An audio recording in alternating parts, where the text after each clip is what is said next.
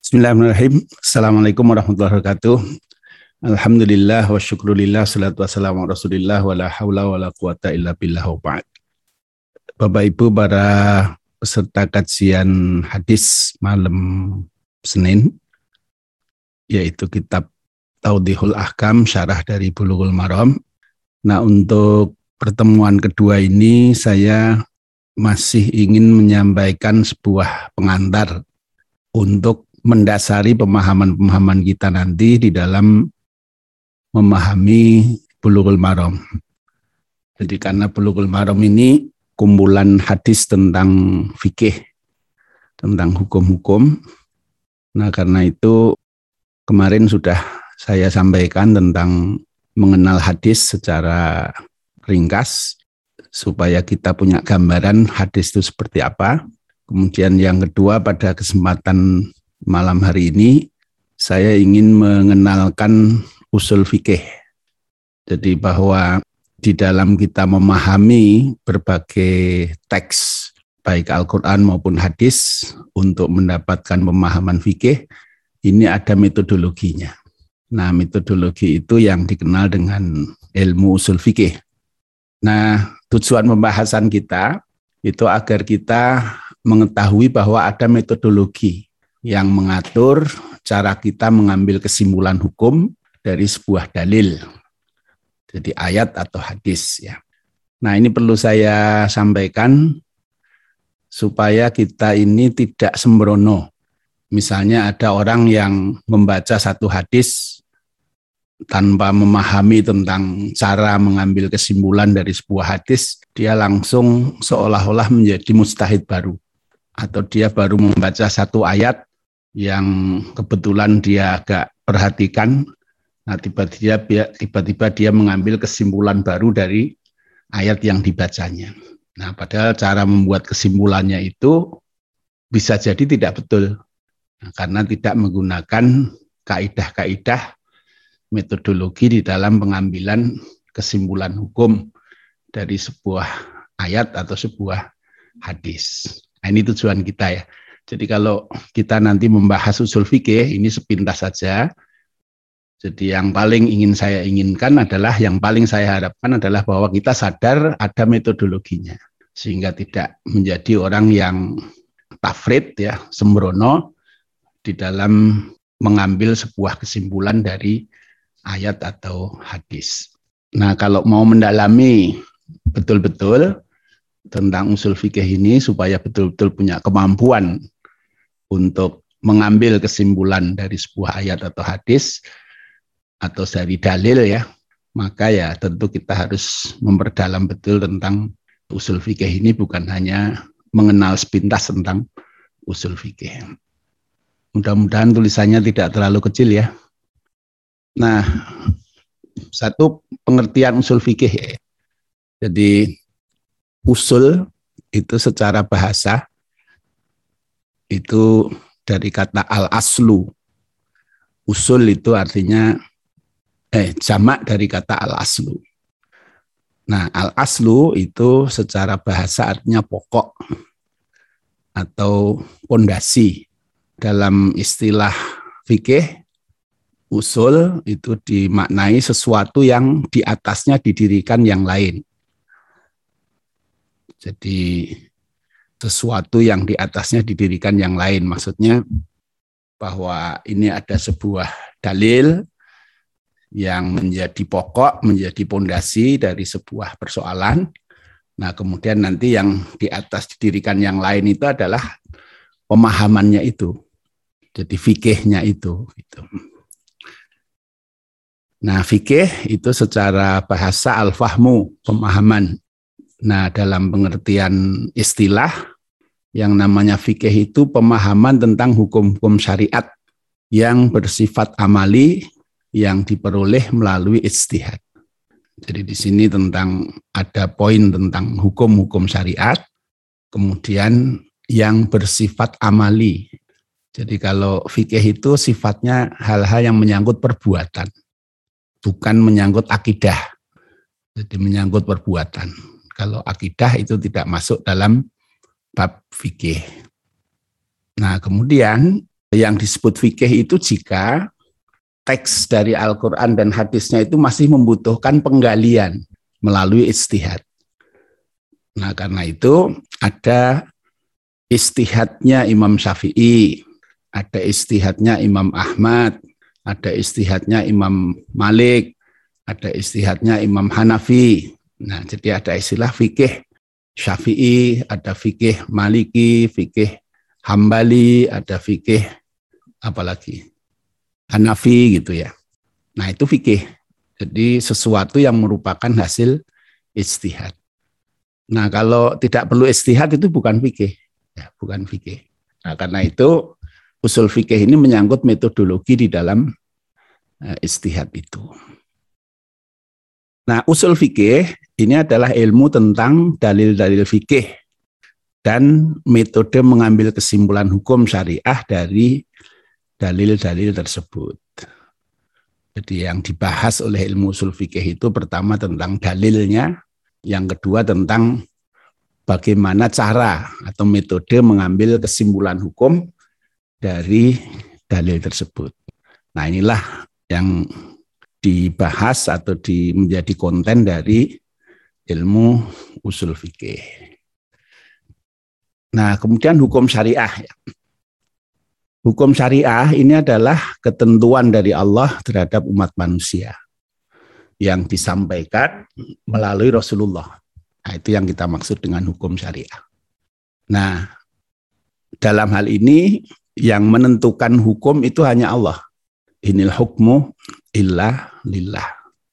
Kemudian Rasulullah itu tugasnya sebagai penyampai, baik berupa teks, berupa Al-Quran maupun hadis, maupun berupa istihad yang ditetapkan kebenarannya oleh Allah SWT. Jadi Rasulullah itu bukan sumber hukum mandiri. Jadi kalau beliau menyampaikan itu pasti sumbernya dari Allah Subhanahu wa taala. Nah, di sini ada pengertian Rasulullah itu bersifat maksum yaitu jika melakukan sebuah istihad dan salah itu selalu dikoreksi oleh Allah Subhanahu wa taala. Sehingga kalau ada istihad-istihad Rasulullah yang ternyata tidak ada koreksinya, dari Allah SWT itu artinya bahwa istihad itu sesuatu yang dibenarkan oleh Allah SWT. Nah, hukum syariah ini ada dua, yaitu hukum taklifi dan hukum wat'i. Jadi hukum taklifi dan hukum wat'i. Nah, hukum taklifi, kita sering mendengar ada wajib, sunnah, haram, makruh, mubah. Nah, inilah yang disebut sebagai hukum taklifi. Dia yang menyatakan status sebuah perbuatan terhadap para mukallaf. Jadi misalnya wajib itu artinya apa? Sesuatu yang harus dikerjakan oleh seorang mukallaf. Nah, jika dikerjakan dia mendapat pahala, jika ditinggalkan dia diancam dengan siksa. Nah, ini juga dikenal dengan istilah fardu ya. Sunnah atau mandub ini apa maksudnya? Yaitu sesuatu yang dikerjakan oleh seorang mu'alaf tetapi jika dikerjakan mendapat pahala, jika tidak dikerjakan tidak diancam dengan siksa. Nah, itu statusnya adalah mandub atau sunnah. Yang ketiga itu haram atau mahzur pakai dho ya sesuatu yang jika dikerjakan diancam siksa, jika ditinggalkan mendapatkan pahala. Jadi ini statusnya sesuatu yang dilarang untuk dikerjakan.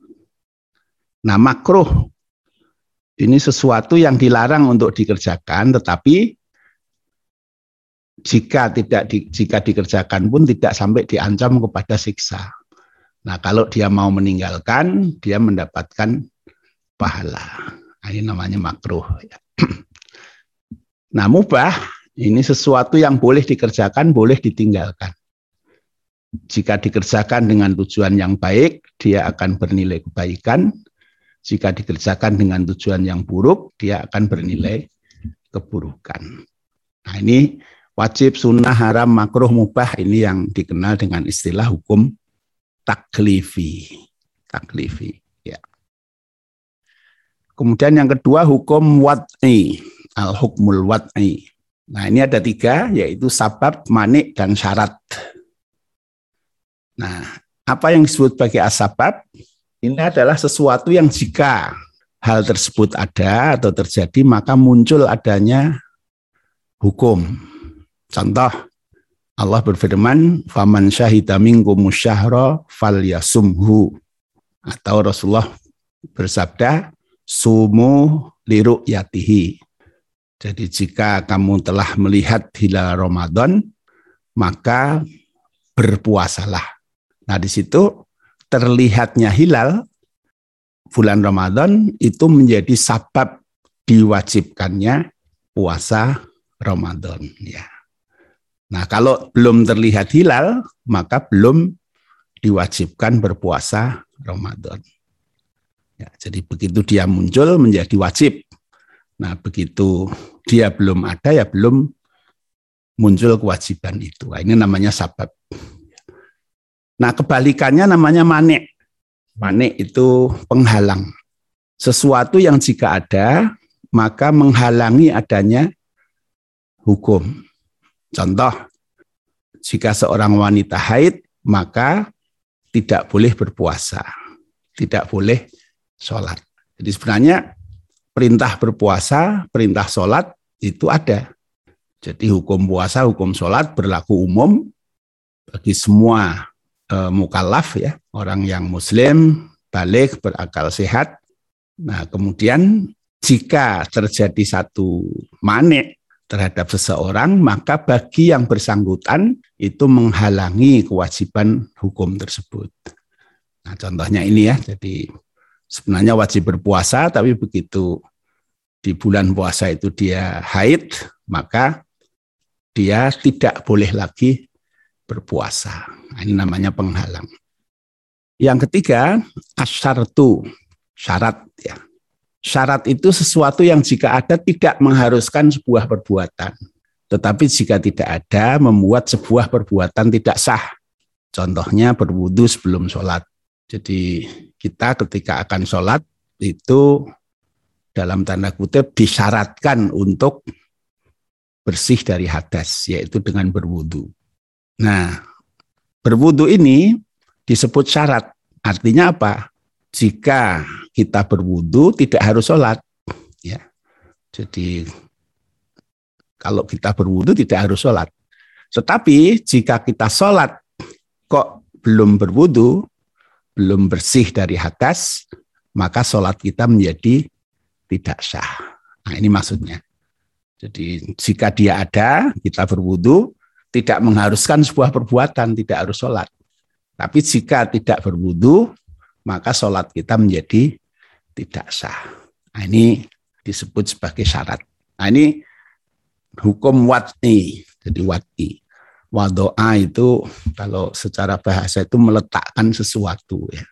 Jadi oh ini sabab, oh ini manik, oh ini syarat. Nah dampak dari adanya sabab manik dan syarat ini adalah hukum sah dan batal. Asihah wal batil. Jadi sebuah perbuatan dihukumi sah apabila dipenuhi syarat-syaratnya dan tidak terdapat manik atau penghalang. Kembali saya contohkan misalnya sholat ya. Seseorang sholat itu dihukumi sah apabila syarat-syarat untuk sholatnya itu dipenuhi dia berwudu, dia menutup aurat, ya, telah masuk waktu dan sebagainya ya, dan tidak terdapat manik atau penghalang. Jadi dia misalnya tidak sedang menstruasi, ya, menstruasi sebagai manik terhadap sholat. Nah, kalau syarat dipenuhi dan tidak ada manik, maka dikatakan ini sebagai berdampak kepada hukum sah dari perbuatan itu. Tentu dengan dipenuhi juga rukun-rukun ya yang ada di dalam perbuatan itu. Jadi kalau syarat itu sesuatu yang harus dipenuhi sebelum sebuah perbuatan dilakukan, kalau rukun itu hal-hal yang harus dikerjakan di dalam sebuah perbuatan. Jadi sholat misalnya ya takbiratul ikhram, baca fatihah, kemudian ruko, tidak sujud, ini namanya rukun. Jadi sesuatu yang harus dipenuhi di dalam ibadah sholat itu. Nah kalau syarat itu sebelum ibadah sholat itu dilakukan. Jika sebuah perbuatan tidak memenuhi syarat-syaratnya dan atau terdapat manik atau penghalang, maka hukumnya batal. Ya, kita sering menyebutnya batal. Kalau dalam istilah fikih Arabnya itu batil, ya, atau tidak sah. Gitu. Nah, hukum sah dan batal berlaku baik untuk ibadah maupun muamalah. Jadi perilaku-perilaku perbuatan kita yang masuk dalam fikih itu ya dua saja. Satu ibadah, ini urusan fikih secara khusus, ibadah-ibadah mahdoh kita, sholat, puasa, zakat, haji ya. Yang kedua itu muamalah. Ini adalah ibadah-ibadah yang bersifat amah. Ya. Misalnya berbagai jenis akad. Ya jadi misalnya sholat itu pertanyaannya ini sholatnya sah apa tidak sah? Puasanya sah apa tidak sah? Jadi puasa itu secara hukum taklifinya, oh ada yang wajib, ada yang sunnah. Tapi secara hukum watinya nanti bagaimana ini? Puasanya sah apa tidak sah? Sah atau batal? Nah itu terkait dengan hukum wati. Dalam muamalah misalnya akad ya, orang melakukan akad nikah Nah, nikah secara hukum taklifinya asalnya dia mubah, dia bisa menjadi sunnah, bisa menjadi wajib, bisa menjadi haram, bisa menjadi makruh bergantung kepada situasi dan kondisi yang bersangkutan dan juga kepada niat dari yang bersangkutan. Nah, tetapi pertanyaannya nanti kalau nikah seperti ini dia sah apa tidak sah? Nah, itu adalah pertanyaan tentang hukum watinya. Apakah syarat terpenuhi, apakah ada maniknya apa tidak. Itu nanti akan berdampak kepada hukum sah dan tidak sah. Nah, kemudian ada istilah batal dan ada istilah fasad atau al-batil dan al-fasid. Nah, sebagian ulama menganggap sama antara pengertian batil, batal ya, dengan fasad atau al-fasid. Di sebagian ulama mendefinisikannya sama. Jadi istilah batal itu sama dengan istilah fasad. Fasad itu rusak maksudnya ya. Nah, tetapi pendapat yang lebih kuat menurut saya Al-Bassam ya, itu pengertiannya berbeda. Jadi yang pertama disebut batal itu jika ketidaksahannya itu disepakati oleh seluruh ulama. Jadi misalnya orang sholat kemudian kentut di tengah-tengah sholat. Nah, maka jika diteruskan tidak sah. Nah, ini seluruh ulama sepakat ya. Tetapi kalau fasad, ini tadi mau saya kasih contoh, tapi saya khawatir terlalu panjang. Fasad itu ketidaksahannya itu tidak seluruh ulama sepakat ya. Misalnya begini, ada orang yang ini contoh jelek ya. Orang yang sudah hamil duluan kemudian dinikahkan. Ini nikahnya sah apa tidak sah? Apakah fasid?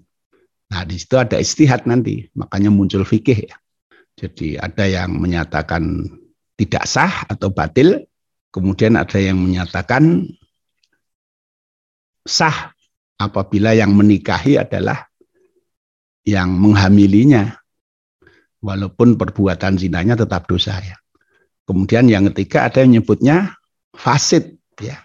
Ini sebuah nikah yang fasid ya. Begitu. Nah, ini contoh kasus ya. Jadi penggunaan istilah yang ada yang menyamakan istilah batal dan fasad, ada yang membedakannya. Wallahualam.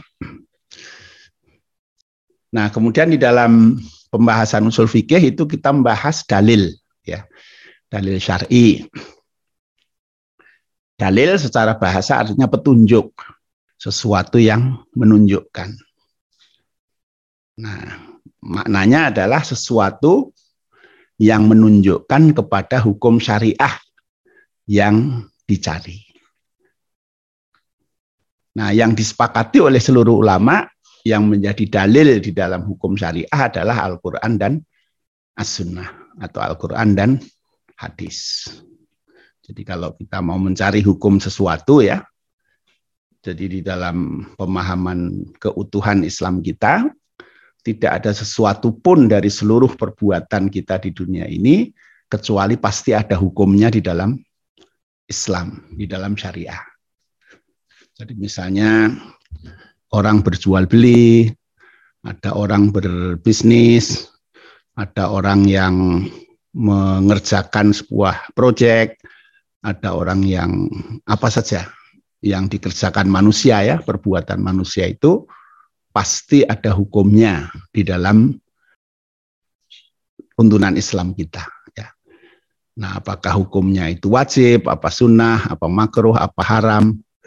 Nah, kemudian untuk menentukan hukum dari sebuah perbuatan, maka di sini harus ada dasarnya atau ada dalilnya. Nah, dalil pokok yang disepakati oleh seluruh ulama itu adalah Al-Quran dan As-Sunnah. Jadi di dalam penetapan hukum itu ada perbuatan orang, kemudian ada dalil. Ya. Nah di sini kita perlu memiliki pemahaman yang baik. Ya. Pertama terhadap jenis perbuatan yang dilakukan orang itu, jadi pemahaman terhadap wakilnya. Yang kedua, pemahaman terhadap dalil-dalilnya. Nah, yang ketiga, pemahaman terhadap ketepatan untuk menerapkan sebuah dalil terhadap sebuah perbuatan. Ya, apakah dalil ini cocok untuk perbuatan ini atau sebenarnya perbuatan ini lebih cocok dengan dalil yang lain. Nah itu. Nah di situlah istihad itu ya. Nah kemudian ada dalil-dalil lain yang tidak semua ulama sepakat. Ini saya tidak membahas rinci sekali ya. Misalnya ada ijma, ada kias, ada syariat Nabi sebelum Rasulullah, ada masalah mursalah dan lain-lain. Nah ini di dalam sebagian istihad ulama-ulama menjadi dasar di dalam istihad mereka. Nah tetapi cara mereka menjadikan dasar itu berbeda-beda. Nah kalau Al-Quran dan As-Sunnah itu seluruh ulama fikih itu bersepakat dia adalah dalil. Jadi dalil yang muttafaq alaihi itu adalah Al-Quran dan As-Sunnah. Sedangkan yang mukhtalaf fihi ini banyak. Antara lain saya sebutkan contohnya empat. Nah kemudian bagaimana kedudukan As-Sunnah terhadap Al-Quran. Jadi kita punya hadis ya atau sunnah, kita punya Al-Quran. Nah bagaimana kedudukan hadis atau as-sunnah terhadap Al-Quran dalam kasus-kasus penetapan hukum ini. Yang pertama, as-sunnah sebagai penguat Al-Quran. Al-mu'akid, kalau istilah yang dipakai itu al-mu'akid. Yaitu apabila yang diungkapkan oleh nas atau teks as-sunnah sama dengan yang dinyatakan oleh nas Al-Quran. Jadi sama ya. Quran memerintahkan ini, hadisnya juga memerintahkan itu sama. Itu Quran, ah, hadis sebagai penguat, muakid terhadap Al-Quran. Yang kedua, as-sunnah sebagai penjelas terhadap Al-Quran. Nah, penjelas ini ada beberapa jenis. Misalnya di dalam Al-Quran ayatnya bersifat global, mujmal. ya. Kemudian nanti as-sunnah menjelaskannya secara rinci. Nah, itu penjelas ya. Misalnya begini, Quran menyuruh kita sholat. Wa aqimus sholat. Di dalam Al-Quran, perintah sholat ini mujmal, global, tidak ada rinciannya. Bagaimana berdiri menghadap kiblat, baca fatihah, dan lain-lain. Nah, kemudian penjelasan teknis rincian daripada perintah sholat itu kita dapati di dalam hadis-hadis. Begitu ya. Nah, ini namanya al hadis menjadi bayan, menjadi mubayyan terhadap sesuatu yang mujmal di dalam Al-Qur'an ya. Atau mungkin di dalam Al-Qur'an itu bersifat mutlak. Tidak ada sifat-sifat tertentu yang ditetapkan di dalam dalil Al-Quran. Nah ternyata di dalam As-Sunnah itu ada penjelasan tentang sifat-sifat yang lebih spesifik. Nah, itu namanya sunnah sebagai mukoyat terhadap Al-Quran. Gitu.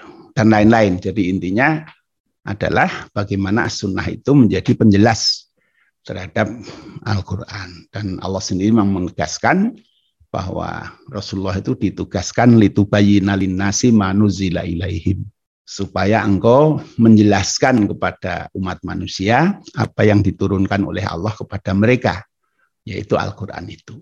Jadi di situ As-Sunnah memiliki otoritas sebagai penjelas di dalam terhadap Al-Quran. Nah yang ketiga itu As-Sunnah sebagai penambah ketentuan baru yang tidak ditetapkan di dalam Al-Quran. Baik As-Sunnah itu berasal dari sesuatu yang diwahyukan oleh Allah secara kontennya ya, tetapi teksnya Rasulullah sendiri yang menyampaikannya wa mayantiku anil hawa in huwa illa wahyun yuha atau istihad pribadi Rasulullah yang tidak dikoreksi oleh Allah SWT. Jadi mungkin dalam satu kasus Rasulullah beristihad sebagai manusia ya, beliau manusia biasa sebagaimana kita. Nah, kalau istihad beliau keliru, nanti pasti akan dikoreksi. Tapi kalau apa yang beliau istihadkan tidak dikoreksi oleh Allah, maka berarti dia sebagai sebuah kebenaran. Dan itu menjadi dasar di dalam pengambilan hukum di dalam Islam. Nah, sekarang memahami nas Al-Quran dan As-Sunnah. Al-Quran dan As-Sunnah ini berbahasa Arab. Oleh karena itu, pemahaman terhadap nas Al-Quran dan As-Sunnah nas itu artinya teks ya. Harus merujuk kepada kaidah-kaidah bahasa Arab. Ya, karena itu nanti di dalam pembahasan dalil di dalam usul fikih ini akan banyak dibahas hal-hal yang terkait dengan ketentuan bahasa atau kaidah-kaidah bahasa Arab yang terkait dengan pemahaman nas ini. Ini saya contohkan misalnya di dalam Al-Qur'an di dalam kaidah bahasa Arab itu ada perintah, ada larangan. Perintah itu al-amru, larangan itu an-nahyu. Nah, nanti perintah itu secara mendasar artinya kewajiban, sesuatu yang wajib dikerjakan. Larangan an-nahyu itu haram dikerjakan. Asalnya begitu. Nah, itu kaidah bahasa. Kemudian nanti di dalam Al-Quran maupun hadis bentuk-bentuk kalimat perintah itu ada yang berupa fi'il amr, ada yang berupa fi'il mudorek dengan lam amr, dan lain-lain. Nah ini kaidah bahasa. Nah sehingga kalau kita ketemu dengan bentuk-bentuk seperti itu, oh berarti ini perintah, ini amr. Nah amr itu berarti kewajiban. Nah kalau sebuah kewajiban, maka ini nah, dan lain-lain. Nanti ada kaidah-kaidah usul fikihnya terkait dengan perintah. Nah demikian juga dengan larangan. Misalnya kita ketemu di dalam ayat Al-Quran atau di dalam hadis satu ungkapan bahasa yang menunjukkan itu larangan. Nah maka makna dari larangan itu pertama asalnya haram. Yang kedua harus terus-menerus ditinggalkan. Ya. Nah dan lain-lain ketentuan yang terkait dengan makna larangan itu. Contoh lain misalnya tentang am dan khos. Am itu artinya umum, khos itu maknanya khusus. Ya. Jadi ada bentuk-bentuk kata di dalam bahasa Arab yang menunjukkan makna itu sifatnya umum. Kemudian ada bentuk-bentuk kata di dalam bahasa Arab yang bermakna khusus. Nah, bagaimana kita memahami dalil? Nah, maka di situ kita harus melihat kalau ada sesuatu yang bentuknya umum, maka harus dicari tahsisnya. Apakah ada dalil lain yang mengkhususkan sesuatu yang bersifat umum itu? Nah, tahsis ini bisa mutasil, jadi langsung disebutkan di dalam ayat itu, atau hadis itu bisa juga taksis itu bersifat munfasil.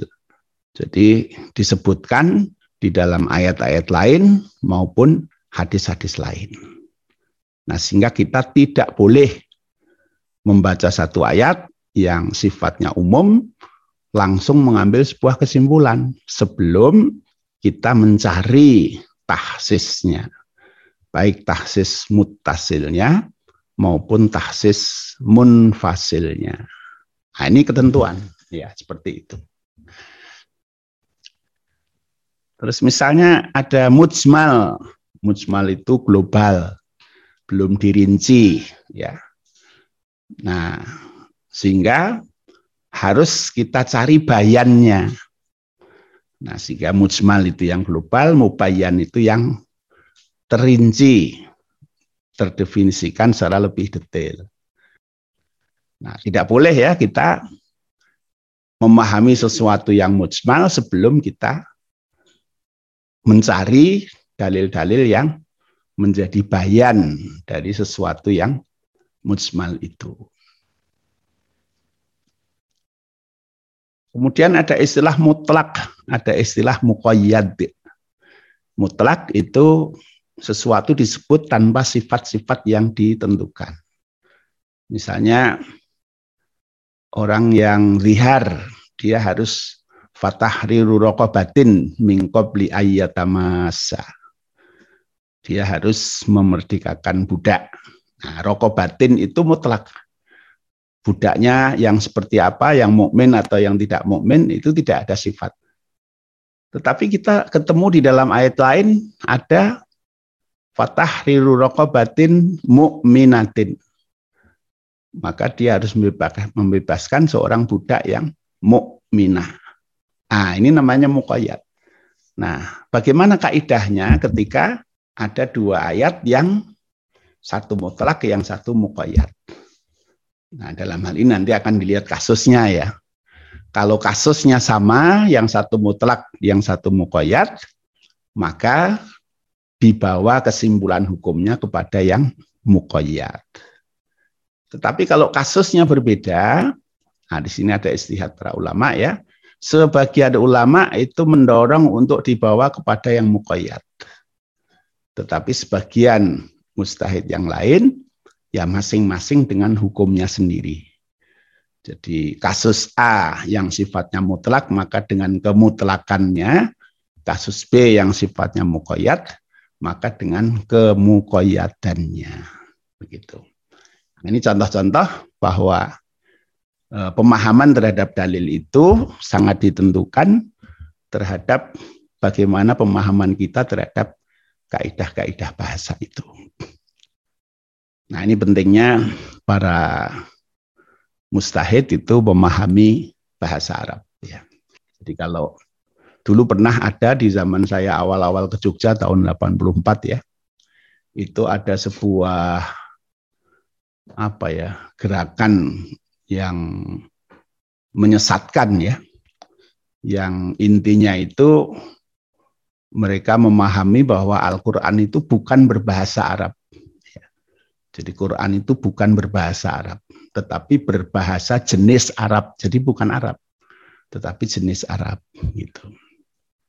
Nah, dan lain-lain banyak argumennya. Dulu dikenal di zaman itu namanya aliran Isabugis. Ya, aliran Isabugis. Nah, sekian tahun setelah saya di Jogja juga saya ketemu lagi walaupun sebutannya bukan Isa Bukis lagi, tapi orang itu mendatangi ke rumah saya membawa sebuah buku dan membaca, memberikan penerjemahan terhadap sekian banyak ayat di dalam buku itu, yang saya betul-betul tidak paham bagaimana ayat seperti ini kok maknanya jadi seperti itu gitu. Nah itu asumsinya sama bahwa Quran ini bukan bahasa Arab, tetapi berbahasa tertentu yang jenisnya mirip-mirip dengan Arab begitu. Nah, sebenarnya itu adalah bagian dari usaha-usaha untuk merusak seluruh dasar-dasar syariah Islam. Karena apa? Seluruh mustahid sejak dari zaman para sahabat sampai kapan pun ya, itu mendasarkan istihad-istihad syariah ini berdasarkan pada prinsip Al-Quran dan hadis itu berbahasa Arab. Nah sehingga seluruh proses pemahamannya pendalaman terhadap kaidah-kaidahnya itu dengan menggunakan kaidah-kaidah bahasa Arab. Nah, yang mengatakan Quran itu bukan berbahasa Arab, ketika saya tanya, terus bahasanya apa? Ya sudah mirip Arab. Terus kaidahnya bagaimana? Nah, dia tidak tahu. Nah, masa ada bahasa yang begitu luar biasa seperti Quran kok kaidahnya tidak ada. Nah, ini sebenarnya tujuan dasar dari gerakan itu, mungkin itu bikinan orang lain ya, itu adalah untuk menjauhkan keyakinan dari umat Islam bahwa Quran itu berbahasa Arab sehingga seluruh landasan pemahaman syariah kita dilandaskan kepada bahasa Arab.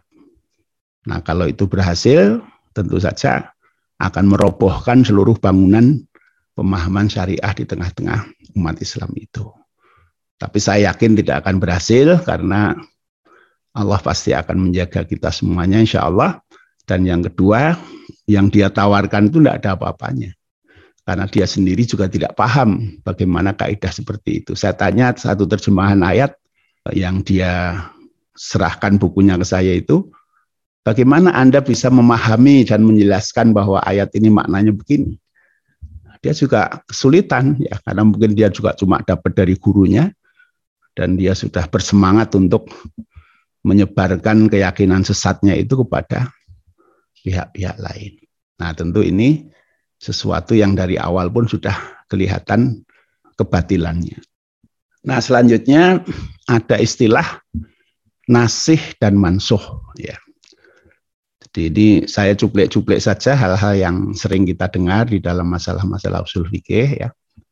Nah, sehingga nanti kita sekurang-kurangnya tidak asing dengan istilah-istilah yang kita temui itu. Nasih adalah ketentuan hukum baru yang menghapus ketentuan hukum yang lama. Nasaho itu artinya menghapus. Nasihon itu isim fa'il. Jadi yang menghapus. Yang kedua mansuh, ini bukan masuh ya, mansuh saya betulkan dulu. Mansuh. Jadi mansuh adalah ini isim maf'ul yang di ketentuan hukum lama yang dihapus oleh ketentuan hukum yang baru. Jadi ini memang di dalam sejarah syariah kita ini terjadi ya dalam banyak kasus bukan hanya satu kasus. Nah, detailnya biasanya akan dibahas di dalam ulumul Quran. Nah, tetapi secara hukum ini saya cuplikan di sini bahwa memang di dalam praktek nasih mansuh itu ada. Ada hukum lama yang dihapus oleh ketentuan-ketentuan hukum yang baru. Nah, sekali lagi bahwa nasih mansuh ini bab fikih, nah sehingga tentu bukan menyangkut masalah akidah, bukan menyangkut masalah makarimul akhlak ya, tetapi bab tentang perbuatan. Ya. Nah, ada hikmahnya nasih dan mansuh ini. Pertama, penyesuaian terhadap kondisi baru yang berbeda dengan kondisi sebelumnya. Yang kedua, pemahaman adanya prinsip pentahapan atau at-tadarruj di dalam penerapan syariah. Jadi contoh kasus yang sering dimunculkan di dalam pembahasan fikih ini misalnya larangan minum homer larangan minum homer. Jadi homer itu minuman yang memabukkan ya, yang itu menjadi tradisi umum di masyarakat Arab pada zaman itu ya. Nah, ketika awal Nabi melakukan dakwah, mengajak masyarakat untuk beriman, persoalan homer ini sama sekali belum disentuh oleh ketentuan-ketentuan Islam.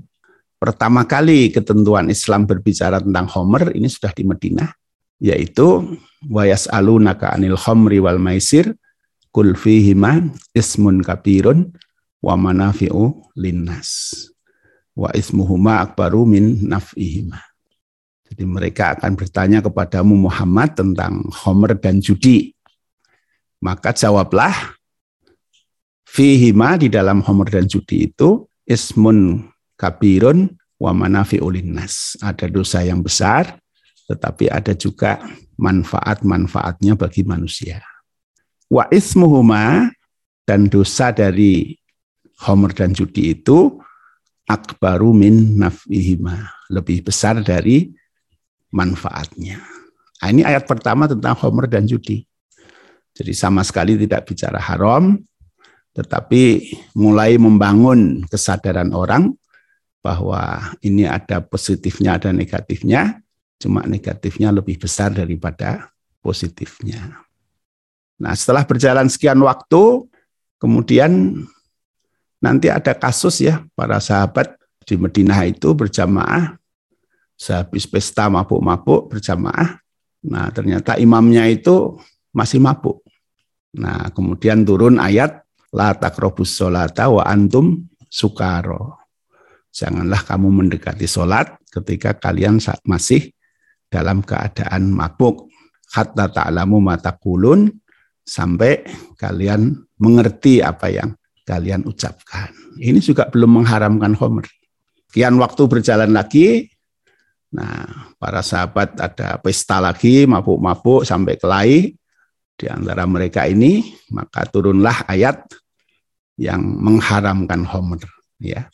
Innamal khomru wal maisir wal azlam wal ansabu min amal syaitan dan seterusnya itu ya yang pada ujung ayat berikutnya nanti fahal antum muntahun apakah kalian mau berhenti. Nah, ini adalah ayat yang mengharamkan homer secara keseluruhan ya.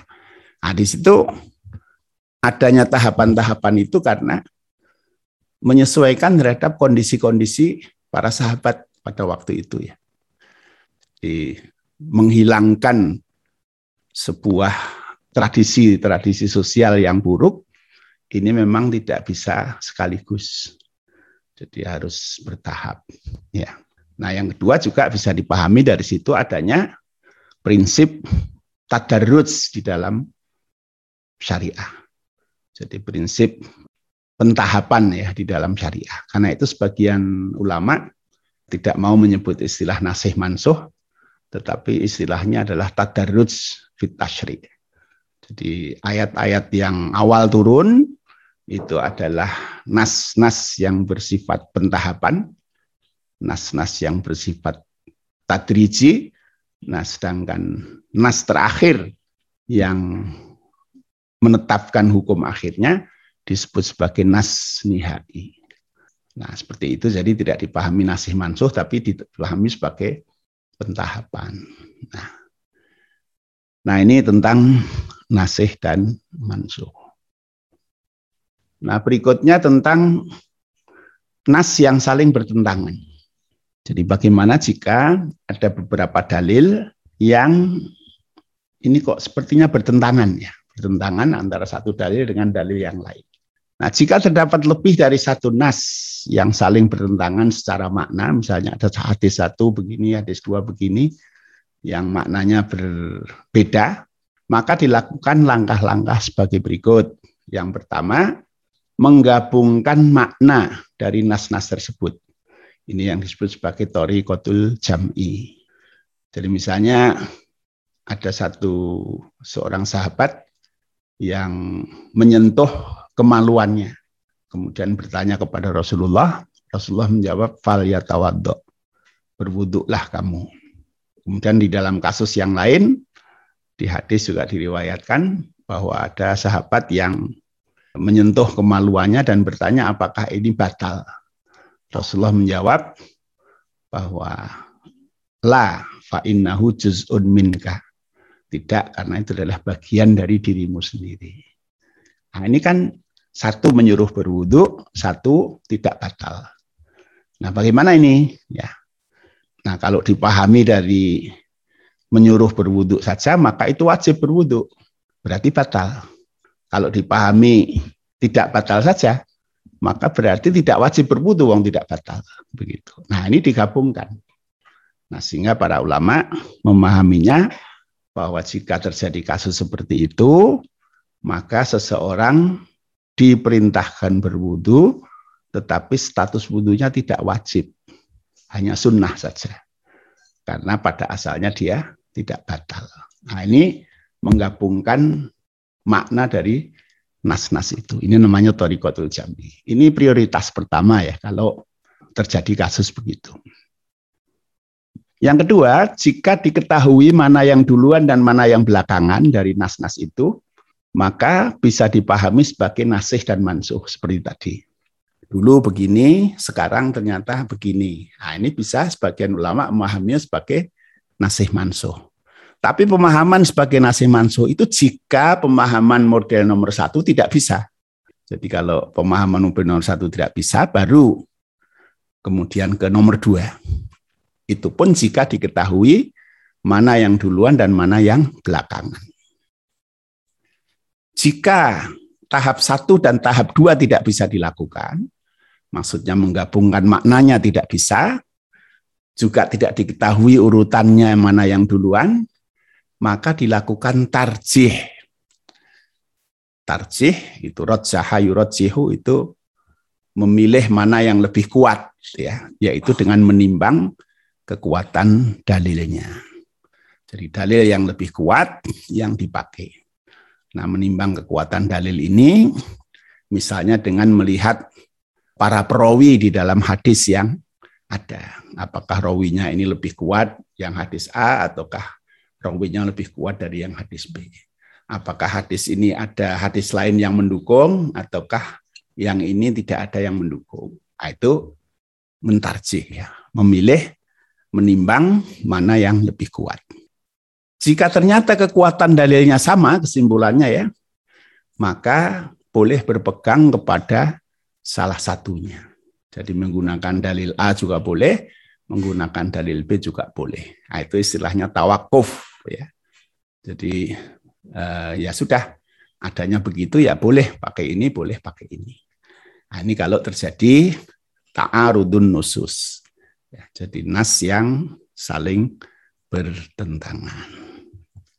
Bapak Ibu rahimakumullah, saya kira ini sesi kedua kita untuk sekedar kita mengenali bahwa di dalam cara kita mengambil kesimpulan hukum dari ayat Al-Quran maupun hadis itu ada metodologinya.